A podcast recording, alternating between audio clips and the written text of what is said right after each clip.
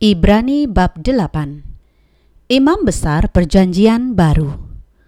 Inti segala yang kita bicarakan itu ialah kita mempunyai imam besar yang demikian yang duduk di sebelah kanan tahta yang maha besar di sorga dan yang melayani ibadah di tempat kudus yaitu di dalam kemah sejati yang didirikan oleh Tuhan dan bukan oleh manusia sebab setiap imam besar ditetapkan untuk mempersembahkan korban dan persembahan, dan karena itu Yesus perlu mempunyai sesuatu untuk dipersembahkan.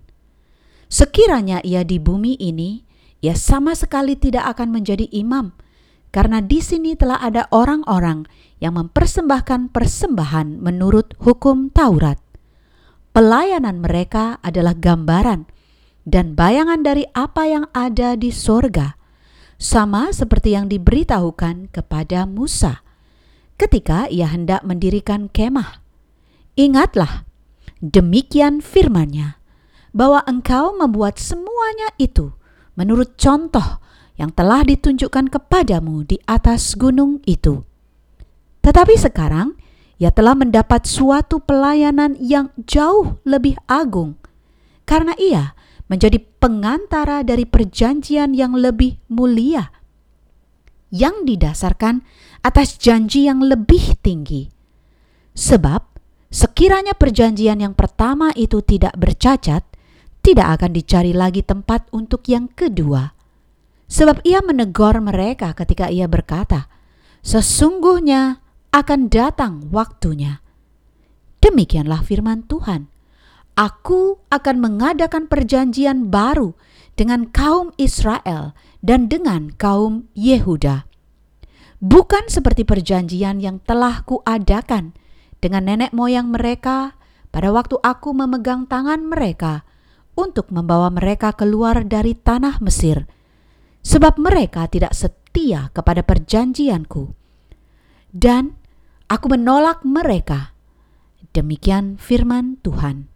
Maka inilah perjanjian yang kuadakan dengan kaum Israel sesudah waktu itu.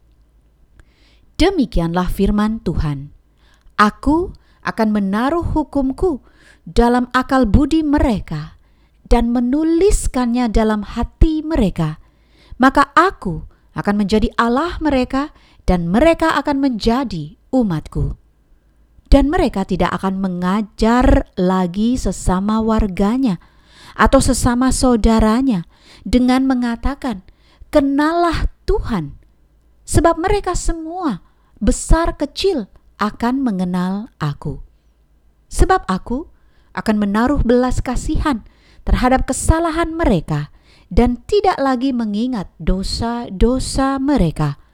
Oleh karena ia berkata-kata tentang perjanjian yang baru, ia menyatakan yang pertama sebagai perjanjian yang telah menjadi tua, dan apa yang telah menjadi tua dan usang telah dekat kepada kemusnahannya.